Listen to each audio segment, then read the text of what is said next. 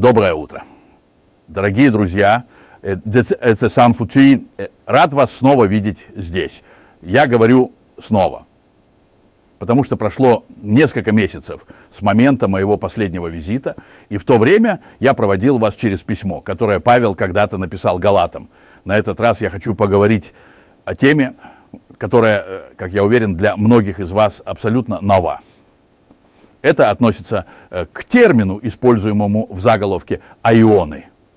Что это такое? Мы уже коротко обсуждали это в машине.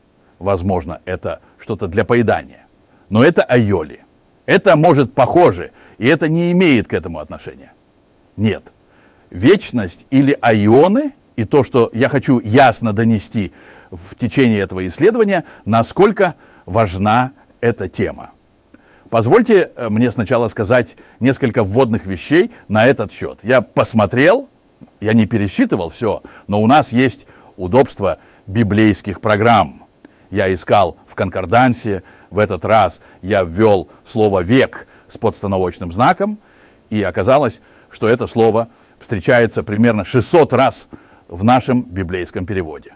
Все слова, начинающиеся с века, например, вечность, но и множественное число, веки, что довольно странное явление. Ведь если вечность бесконечна, сколько тогда должны длиться века? Сколько их может быть? Таких вопросов вы задаете их, если ничего не знаете, и вступаете в это свежим э, взглядом, э, не неся багажа, который вам передали воспитанием. Вы знаете, как это бывает? Когда вы выросли в чем-то, Тогда вещи становятся само собой разумеющимися, и вы даже не задаете себе вопросов, потому что не знаете иначе. До тех пор, пока вы вдруг не встретите кого-то, кто об этом еще не слышал, и тот ставит самые простые вопросы. И оказывается, что они сразу же, по сути, не имеют ответа. Это один из таких простых вопросов. Вечность, веки, но также и век или веки. При этом я должен заметить, что когда я использую эти термины, или когда вы находите их в Библии, вы не должны думать о периодах в 100, э, в 100 лет, а о временных эпохах. Так что не обязательно это в 100 лет. Или, по сути, совсем не в 100 лет, потому что это с этим не связано. Э, э, мы сразу же ассоциируем вечность с бесконечностью. Еще одна вещь, которую вы должны знать о Ветхом Завете. И Ветхий Завет изначально написан на иврите. Там это слово, так что если вы видите в Ветхом Завете э, век или вечность, или веки, или века, то это почти всегда перевод слова «олам». Это слово «олам», и оно обозначает время с скрытым концом. Ладно, в Новом Завете, который не написан на иврите, а, а на греческом, там век, вечность, вечный, представляет собой перевод слова «айон». В Новом Завете это слово «айон» встречается очень часто. Итак, мы говорим «вечность». Ладно, это введение. Но теперь в чем проблема? И я могу представить, что те из вас, которые уже внимательно слушали, уже возник вопрос. Эй, но это странно, и я хочу сформулировать его. Вот, олам и айон переводятся как вечность. И да, что такое вечность, я когда-то учил, что вечность э, это время без начала и конца. В любом случае, это время без конца. Если вечность длится, то ей никогда не приходит конец. Это бесконечность. Но айон также означает период времени, и это период, который явно имеет конец. Итак, теперь возникает вопрос, как же обстоит дело с Алаам или Айоном? Я в основном ограничусь термином Айон, чтобы не делать это слишком сложным. Но как насчет того, есть ли конец у Айона? Забавно, что вопрос, который я задаю сейчас, даже не является настоящим вопросом. Потому что если вы поищете это в обычном справочнике, то вы быстро увидите, насколько это ясно. Два примера. Я искал в энциклопедии принца. Да, их, конечно, теперь уже почти нет, потому что все ищут в Википедии. Но у меня есть старомодная Винклер «Принц», страница 797, том 7. Хорошо, э, там сказано, э, айон означает не бесконечную длительность, а период времени. Я также посмотрел термин «олам» в библейской энциклопедии, которая стоит в моей шкафу. Вы знаете, о каком слове идет речь? Которое, как правило, в Ветхом Завете переводится как «вечность», но на самом деле означает очень долгий период времени, особенно время с скрытым концом, конец которого вы не видите. Не время без конца, а время, конец которого вы не видите. Так что это большая разница. Хорошо, это два справочника. Но, конечно, я мог бы привести еще десяток, но давайте эффективно использовать время. Хорошо, что же говорит Писание об этом слове? Вот настоящий вопрос, и я расскажу вам, что это полностью соответствует тому, ну, что-то я только что показал из справочников. И я также хочу показать важность этого. Давайте пропустим теперь это слово «вечность» и не будем обсуждать его. Мы просто вернемся к первоначальному слову «айон». И в Библии вы найдете много выражений. Как я сказал, мы сталкиваемся с этим сотни раз. Давайте рассмотрим несколько терминов или фраз, чтобы понять, что такое айон. 1 Коринфянам 2.7. Там что-то сказано вроде «от вечности». Но я могу вам рассказать. Этого там нет. Там буквально написано «для айонов».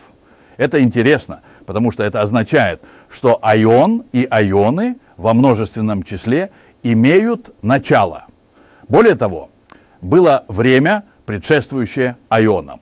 Вот что означает этот термин. И это интересно, потому что это означает, что айон не является временем без начала. Нет, айоны в целом имеют начало, потому что было время, предшествующее им. И это очень красиво. Если вы прочитаете 1 Коринфянам 2, то там говорится, что Бог предначертал для нас, что у Него есть план. У Бога есть план. Также это упоминается в Ефесянам 3, как план айонов.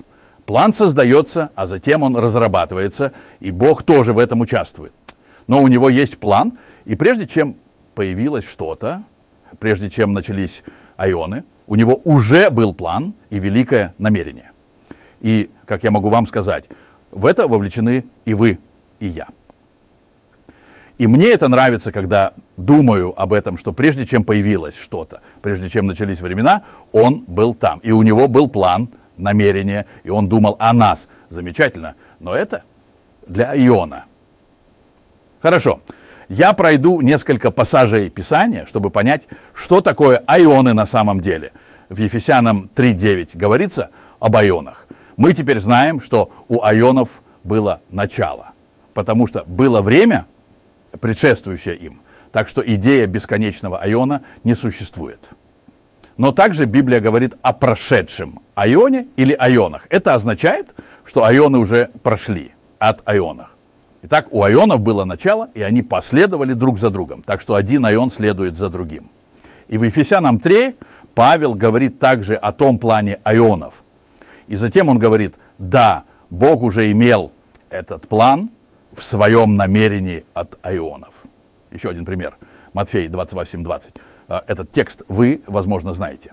Там сказано, что это примерно окончание Евангелия от Матфея. И там Господь Иисус говорит это прямо перед тем, как восходит на небеса с Елеонской горы.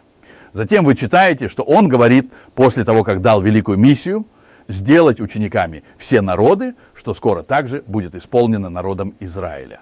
Но об этом чуть позже. Тогда он говорит, я с вами, с вами все дни до конца. Да, ну это зависит от того, какие переводы у вас есть. Потому что некоторые переводы говорят до концов земли, иногда это так представлено, и иногда говорится до конца века. Но там просто написано до конца Айона. Это важно осознавать. Потому что это означает, что Айон, мы уже сделали э, вывод из предыдущих терминов, но теперь вы видите это даже явно. Айон или этот айон имеет конец. Представьте себе, чтобы они последовательно перевели это и написали здесь вечность. Я вижу, я с вами до конца вечности извините, конец вечности. Я думал, что вечность, наоборот, не имеет конца. Как странно, не так ли? Да, но это не так. Это конец айона. И у меня есть еще один пример, потому что этот айон заканчивается. Но я вам скажу, это не конец айонов. Нет, потому что наступает новый айон. Это термин, который мы очень часто встречаем в Библии. Это будущий айон, или термины подобного значения в Луке 18.30. Э, я предоставляю ссылки на Писание, чтобы вы могли это проверить дома или здесь. Там говорится о будущем айоне. Так что айоны уже прошли, и сейчас идет айон, но и он тоже подходит к концу. И Господь сказал, вот, я с вами до конца айона. Но это не конец, потому что наступает новый эон, новый мировой период. И это очень интересно, когда вы проверяете это в Луке 18.30, потому что там написано, и в будущем айоне, айоническая жизнь или вечная жизнь. Так что это очень интересно, потому что это означает, что вечная жизнь. Мы думаем, что это бесконечная жизнь. Да, конечно, она будет бесконечной, как и вы говорите. Что мой отпуск? Он был бесконечным. Да, в переносном смысле, потому что я предполагаю, что ваш отпуск не был бесконечным, в смысле, что он не имел конца. Э, вы видите, как язык иногда может быть сложным, но в любом случае этот грядущий ион, это тот период, в котором будет происходить вечная жизнь. Это ион, в котором будет царствовать Христос. И многие из вас, возможно, слышали о тысячелетнем царстве. Об этом говорит Откровение 20. Это те годы, или иначе говоря, тысячелетнее царство, в котором сатана будет связан, чтобы он не мог сбить народы. И это тот грядущий эон, в котором будет царствовать Христос, великий эон. Этот эон также называется злым эоном, об этом говорится в Галатам 1.4. Этот эон зловещ. Вы говорите, мне повезло с погодой, и я прекрасно провел время. Но этот эон действительно злой. Почему? Здесь царит ложь. Вот почему. Все искажено. Сатана, дьявол, он все перемешивает. Это этот эон. Но у меня есть для вас хорошие новости более чем в одном смысле, но великолепно. Этот эон подходит к концу. Мы почти у конца этого эона. Тот грядущий век начнется скоро. Я не буду называть даты, но могу вам сказать, что это действительно не займет много времени. В грядущем эоне, который будет тем эоном, в котором произойдет аионическая или вечная жизнь, и вы говорите, грядущий эон – это бесконечное – Тогда я скажу, нет, это тоже не так. Библия говорит о грядущих эонах. Множественное число. Грядущий эон, те тысячелетние годы не являются последним эоном. Тот эон, тысячи лет заканчивается, вы уже догадались, через тысячу лет. Так что и после этого продолжается. Власть Христа просто продолжается, переходит в новую эру. У Бога замечательный план, и Он осуществляет его через века мира – через века, которые когда-то начались, э, и в настоящее время у нас уже позади два века. По меньшей мере текущий эон скоро завершится, и настанет новый эон, а затем снова наступит эон. Я могу вам сказать, что Библия говорит даже о завершении эонов. Эоны когда-то начались, но у них также есть конец э, завершения. В этих эонах будет завершено Божье намерение. Это завершение веков. Вы видите, как термин о бесконечной вечности может ввести в заблуждение. В Библии нет чего-то вроде бесконечной вечности. А ионы, наоборот, имеют свой конец, так же, как и начало. Мне кажется важным четко это понимать. Есть несколько вещей, которые я очень хочу, чтобы вы запомнили. Одна вещь. Запомните, что если вы смотрите на сотни случаев, когда в Библии используется слово «вечность» или связанные с ним понятия, там просто стоит слово «олам» или «айон». Кстати, греческий перевод Ветхого Завета, я говорю для ценителей, всегда э, заменяет «алам» на «айон», так что вы можете просто свести это к айону. Если вы видите слово «вечность», помните, там стоит айон, и айон не бесконечен. Нет, у него есть начало и конец. Если вы это запомните, то у вас уже будет намного больше знаний, э, чем обычно в церкви. Это так фундаментально. Позже я также подчеркну воздействие этого. Вы можете также визуально изобразить это, визуальная карта ионических времен. Да, термин «ионические времена» даже дважды встречается в Библии в Римлянам 16.25. А? Вы видите это здесь, на слайде презентации. И во втором послании Тимофею 1.9. Постоянство времени. Или в других переводах вечные времена. Кстати, странная идея этих вечных времен. Я думал, что вечность на самом деле находится в противоположность к времени. Мы говорим, что когда кто-то умирает, он заменяет временное на вечное. Мы используем время и вечность всегда как контраст. В Библии этого нет. Вы можете разделить время на дни, на месяцы. У нас есть месячные времена. Вы можете говорить о годах, о временах года, но вы также можете разделить времена на эоны. Тогда у вас есть ионические времена. Как я уже говорил, вы можете создать карту этих ионических времен. Фактически, если вы внимательно слушали, и вы образный человек, то, возможно, у вас уже в голове есть картинка. Я сделаю ее пунктами. Один для эонов 1 Коринфянам 2.7, 2, мир древности, Матфея 24.21, это эоны, которые были эсом. Книгу проповедника 1.10, 3. Затем эон этого мира, Ефесянам 2.2, это нынешний эон, Ефесянам 1.21. 4. Грядущий эон Смерт, Ефесянам 1.21 и Луку 18.35. Эон эонов, Смерт, Ефесянам 3.21. Это будущие эоны Смерт, Ефесянам 2.7. Наконец, пункт 6. Завершение эонов, Евреям 9.26. Касательно этого у вас есть время для эонов, и затем у вас появляется первый эон, эон создания мира. Фактически эти миры синхронизируются с этими временами, мировыми временами. Эм, затем у вас есть создание мира. Сколько времени это заняло, это отдельная история. Но в любом случае. И затем у вас после Адама также есть время до Ноя, до потопа, которое в Библии называется миром древности, тогдашний мир. И если вы соберете эти эоны вместе, то это называется в книге проповедника Ин 10, но также в Ефесянам 3 говорится об эонах, которые были в прошлом. И у вас также есть эон этого мира, вот где мы находимся. Я хотел бы сказать, что посреди, но это не так. Мы находимся прямо на конечной точке этого эона. Но это этот эон, который уже идет, по сути, с времени Ноя и до настоящего времени. Дайте ему еще несколько лет, и все. Скоро это произойдет. Тогда этот эон закончится. Это нынешний эон или эон этого мира, как и тот мир и так далее. Но это еще не все. У вас есть еще грядущий эон, о котором я уже упоминал, тысяча лет, и затем у вас также есть эон, который следует за ним, и это самый выдающийся эон, а именно эон эонов. Знаете, что так нехорошо в переводах? В обычных переводах Библии вы этого не найдете.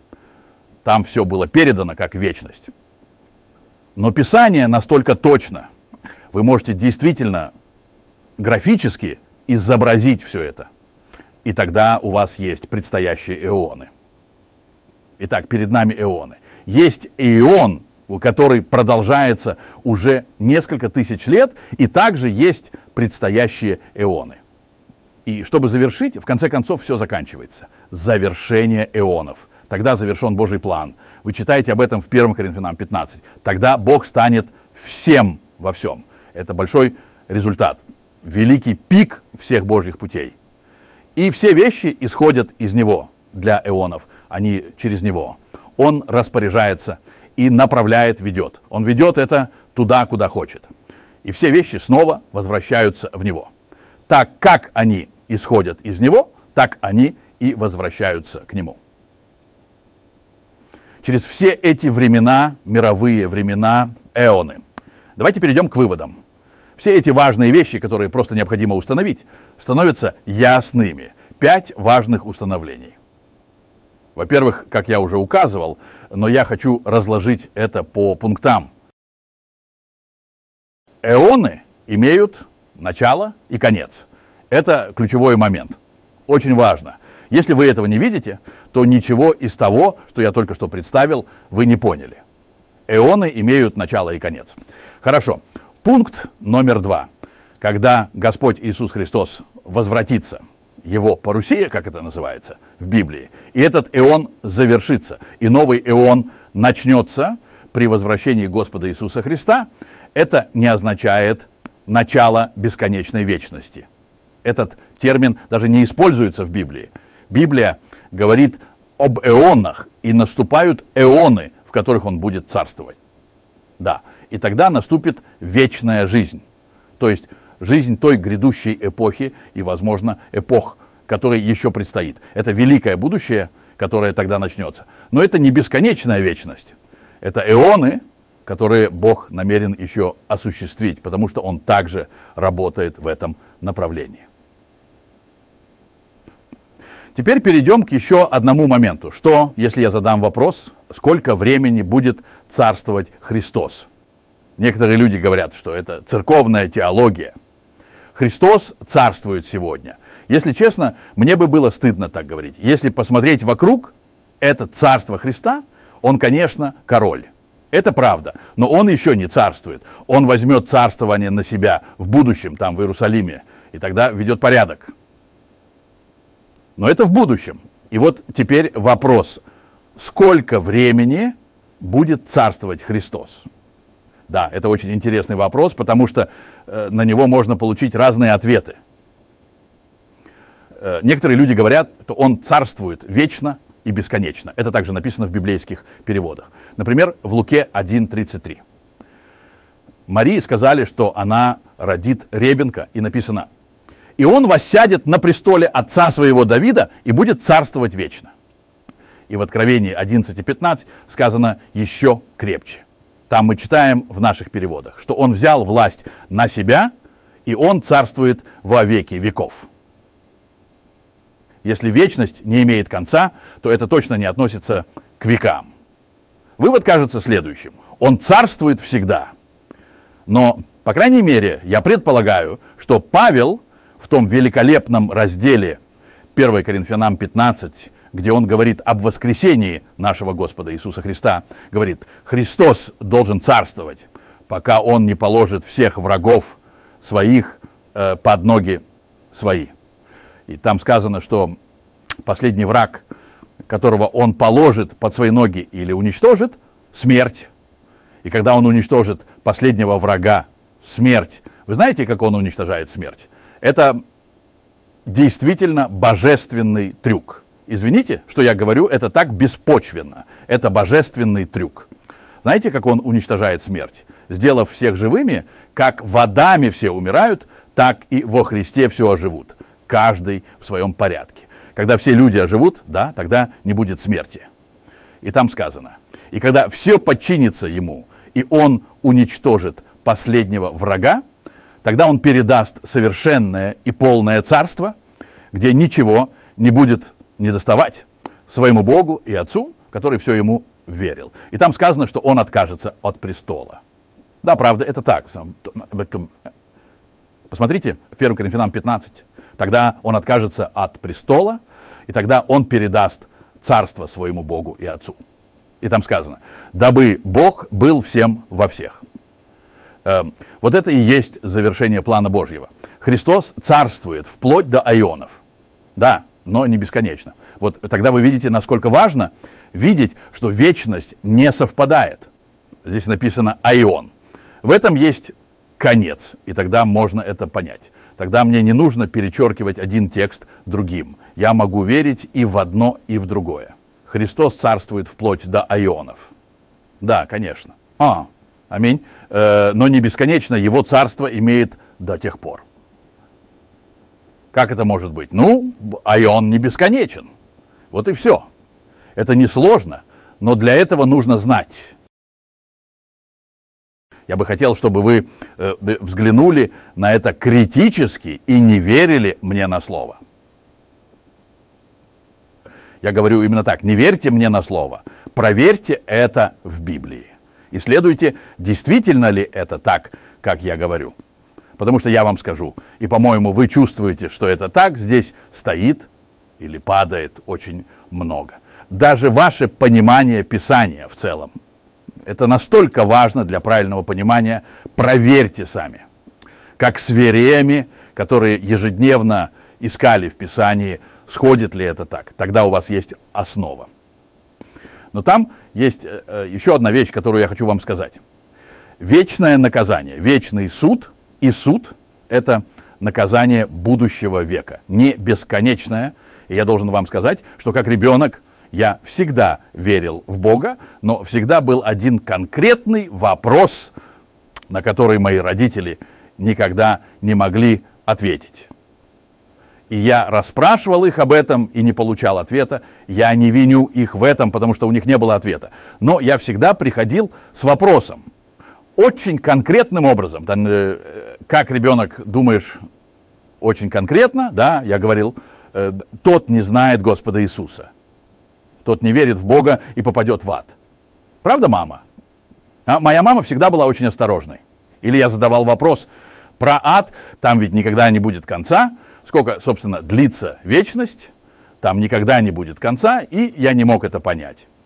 И десятки лет спустя у меня был все тот же вопрос, я не понимаю, как это. Я имею в виду, что Бог наказывает и судит, это библейская истина, конечно. Это написано на каждой странице. Прочтите историю Содома и Гаморы, прочтите историю потопа. Бог правит, Он восстанавливает, и это иногда очень сильно. Но тогда там написано в Псалме 36. Мгновение длится его гнев, а на всю жизнь благосклонность его. Вот, вот такие пропорции. Бесконечный гнев и наказание. Это так противоречит всему, что я знаю о моем Боге. Именно то, что он приведет все это к хорошему концу. И когда я понял это видение айоновца, что вечность это айон, и, следовательно, у нее есть начало и конец, тогда у меня появилось понимание. Да, я, возможно, говорю это чрезмерно. Это может звучать чрезмерно, но это действительно так. Так для меня. Это большое, да, дерзайте сказать. Самое большое открытие в моей жизни заключается в том, что айон действительно имеет начало и конец. Почему это так важно? Если вечность становится айоном, то Евангелие становится действительно хорошей вестью, радостным вестником. Возможно, у многих из вас христианский фон, и как часто начинается рождественское богослужение с прекрасных слов. И я считаю это великолепным. Наша помощь во имя Господа, сотворившего небо и землю, который верен и никогда не оставляет дела своих рук. Дела своих рук. Кто это? Что это? Просто все, все, что он создал, это дело его рук. Он никогда не оставит. Никогда. Может быть, он отпустит, он, может быть, накажет. Но это как с, с отцом и ребенком, родители иногда должны вмешиваться, иногда нужно сильное вмешательство. Все это может быть, но это остается вашим ребенком, потому что он от вас, и вы любите его, безусловно, и вы всегда приведете его э, к хорошему концу. Это безусловно. Бог любит свое творение, и каждое создание включено в его любовь. И как бы он ни вмешивался, он делает это из любви. Божья кара не противостоит его любви. Я так часто это слышал, но Бог не только любовь он также наказывает. Какая глупость! Бог – любовь, именно поэтому он наказывает. Почему? Чтобы все вернуть в порядок. Вот что означает слово «суд» также. Он возвращает все к норме и восстанавливает все в порядок. Это не противостоит его любви.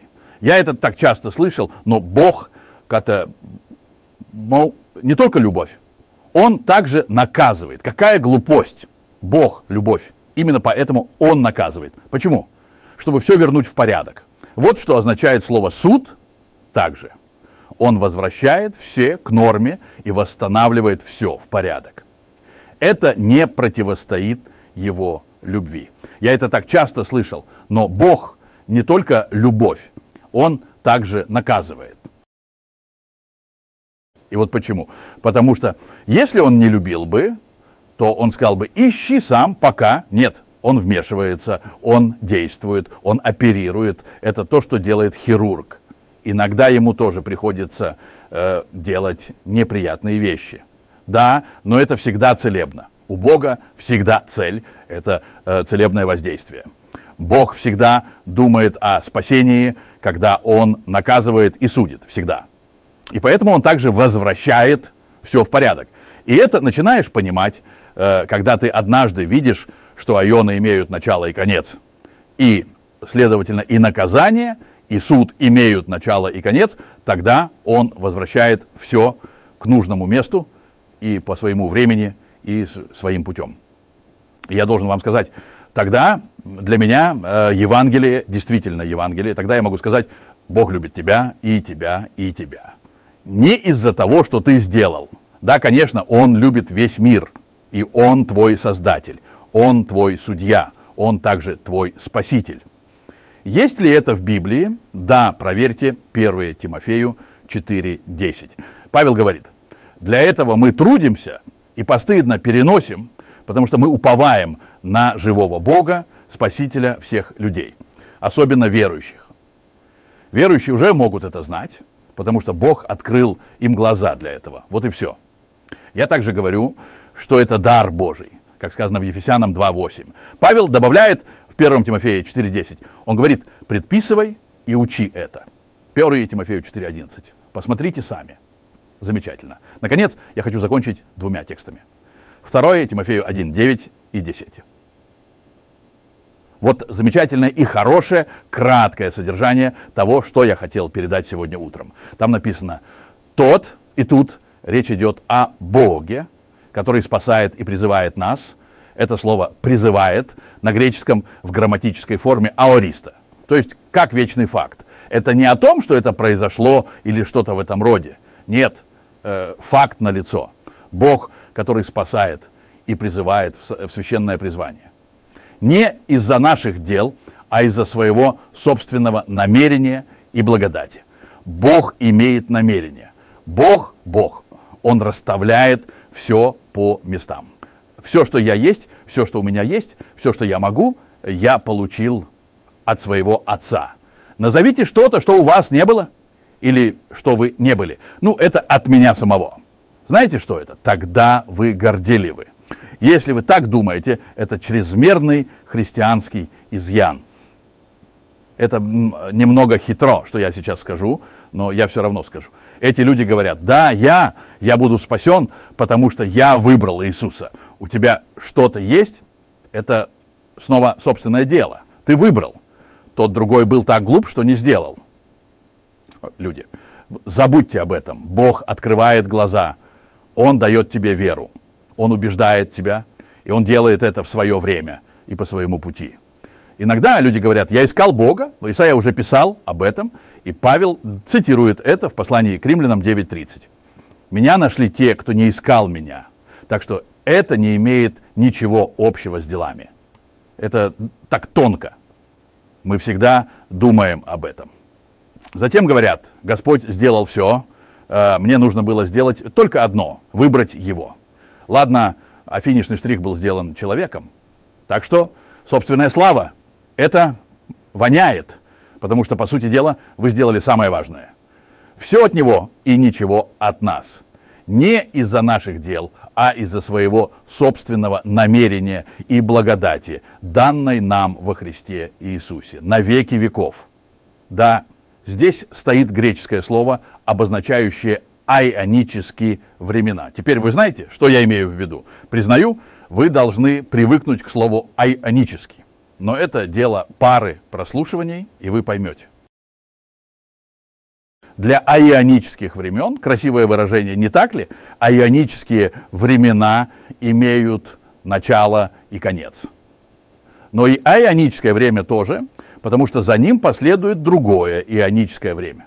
Вы видите, как внезапно все становится светлым, когда вы это видите для ионических времен? И там написано, но то, что теперь открывается. Строка 10 из послания к Тимофею 2. То, что теперь открывается явлением нашего Спасителя Иисуса Христа, который уничтожает смерть.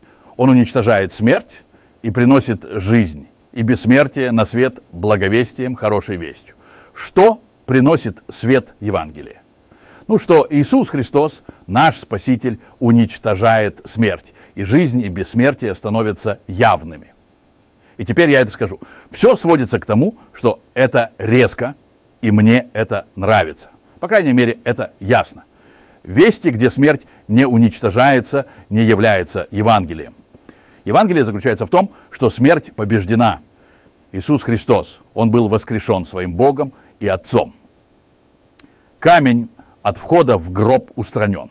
Он первенец, восставший из мертвых, раз и навсегда. Да, как и в Адаме все умирают, так и во Христе все оживут. Каждый по своему порядку. Это означает, что вся человеческая раса следует за этим, и в конечном итоге все будут оживлены, и смерти больше не будет. Вести, где смерть не уничтожается. И это я имею в виду под резким, это не Евангелие. Вы видите, насколько это чрезвычайно важно? Ничего не зависит от человека. У него все в руках. Он начал с ионических вечных времен, и он работает над всем этим. И на это у него уходят тысячи лет. Это очень интересный вопрос. Сколько продлятся эти айоны вместе? Я даже на этой неделе провел библейское исследование по этому поводу, но это занимает очень много времени. Давайте оставим это там. Но у Бога есть время. И даже более того, Он создал время. Итак, в чем же проблема? И Он берет свое время, и все в свое время Он доводит до конца. И это Евангелие. Евангелие – это весть. Наш Бог действительно Бог. Он расставляет все по своим местам. Он доводит все до конца, и это происходит через Иисуса Христа, действительно нашего Господа.